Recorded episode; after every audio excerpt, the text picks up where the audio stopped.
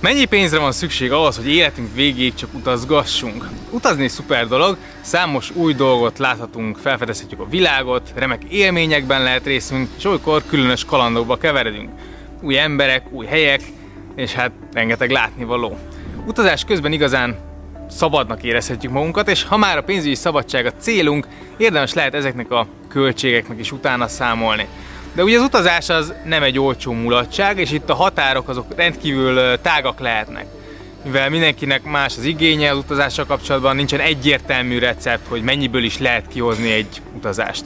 Van, aki több millió forint alatt el sem tudja képzelni, mások egy hátizsákkal nekivágnak a legzordabb vidékeknek is. Megint kérdés, hogy hova utazol, hány fővel, milyen szálláson laksz majd, és mennyi időre mész. Ezért a kérdés, hogy mennyi pénz kell, hogy életünk végéig utazgassunk, nem is olyan egyszerű, de van egy képlet, aminek a segítségével azért egyszerűsíthetünk a dolgon, és magadnak is ki tudod majd számolni ennek az eredményét. Ha érdekel, akkor egy kalkulátort is találsz majd a leírásában.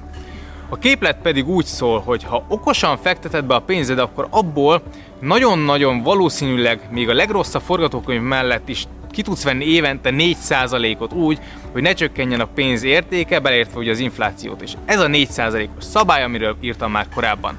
Vagyis a kérdés, hogy mennyi pénzt akarsz az utazásra költeni, és mennyit spórolsz meg az utazással évente. E két összeg különbségét osztva 4%-kal, azaz megszorozva 25-tel megkapod, hogy mennyi pénz befektetéséből teheted meg, hogy életed végéig utaz.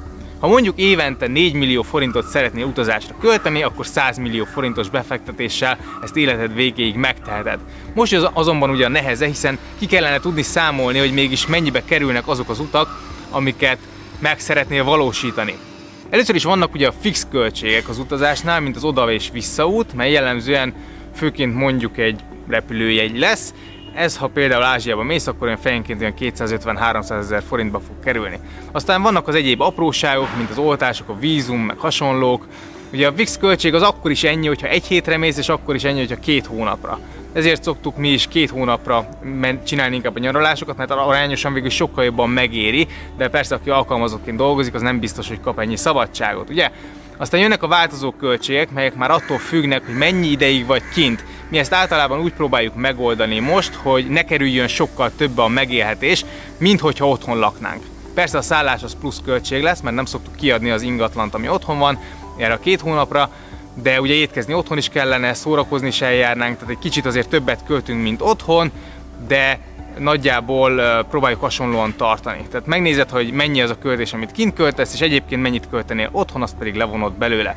Végül már csak ezt az átlagos utazást kell megszoroznod az alkalmak számával, és megkapod, hogy mennyibe is kerül az utazásod pluszban a normál megélhetésedhez viszonyítva. A kalkuláció az ugye csak annyira lesz megfelelő és jó és pontos, amennyire a bevitt adatokat pontosan meg tudod adni. Márpedig nem könnyű ezeket előre megbecsülni, és az eredmény az ugye nagyban függ attól, hogy hova mész.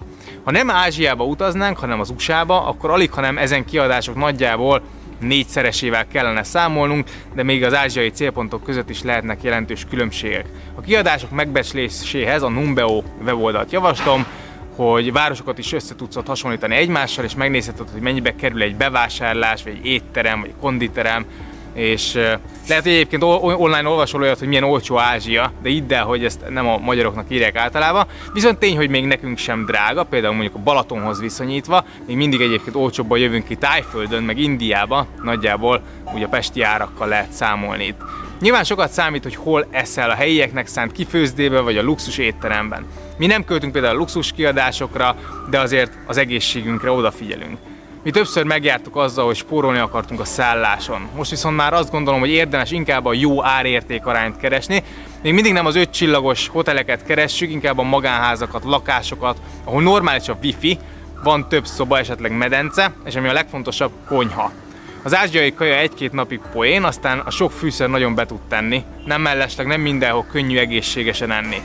Na meg olcsóbb is lehet ugye magadnak főzni, ezért végül is most már csak olyan helyre megyünk, ahol saját konyhánk van. A másik nagy kérdés, hogy mit fogsz csinálni, amíg utazol. Mi ugye dolgozunk is, ami azért sok időt elvisz, és ahogy mondani szoktam, ugye a munkában a legjobb, hogy ingyen van. Ami egyrészt hülyén hangzik, másrészt viszont eddig, addig sem költünk pénzt, amíg dolgozunk. Ha egész nap el kellene foglalnunk magunkat programokkal, akkor sokkal többet kellene költenünk. Mi heti két-három alkalommal csinálunk valami nagyobb kiruccanást, mondjuk egy szigettúrát, vagy kirándulást, de ha csak két hétre jössz nyaralni, akkor valószínűleg neked sokkal zsúfoltabbak lesznek ugye a programjaid. Jó kiindulási pont szerintem, hogyha hosszabb időre mész, hogy alapvetően az otthoni költségeidből vagy kiadásaidból indulsz ki. Ha otthon sokat költesz fodrászra, nyaraláskor is sokat fogsz. Mi nem toljuk túl az ilyesmit, ruhából is csak azt vesszük, ami éppen kell, abból általában olcsót, de jó minőségűt próbálunk. Nem a divatosságra megyünk, hanem a praktikusságra. Azért sosem vásárolunk meg például egy cipőt, mert megtetszett a piacon. Szerintem ez nem is annyira környezetbarát, meg egyébként is csak foglalja a helyet. Összességében én azt mondom, hogy ha nincsenek nagy igényeid, és nem drága helyre mész, akkor a repülő költségén felül még a szállást kell megfizetned, ez oda-vissza mondjuk fejenként 300 ezer forint, plusz napi 5-15 ezer forint, ha megelégszel azzal, amivel mi. A többi nem lesz drágább, mint otthon, persze a plusz programokra még érdemes lehet mondjuk egy százast félretenni, így egy két hónapos tájföldi utat mondjuk ki lehet hozni nagyjából 1 millió forintból egy főre.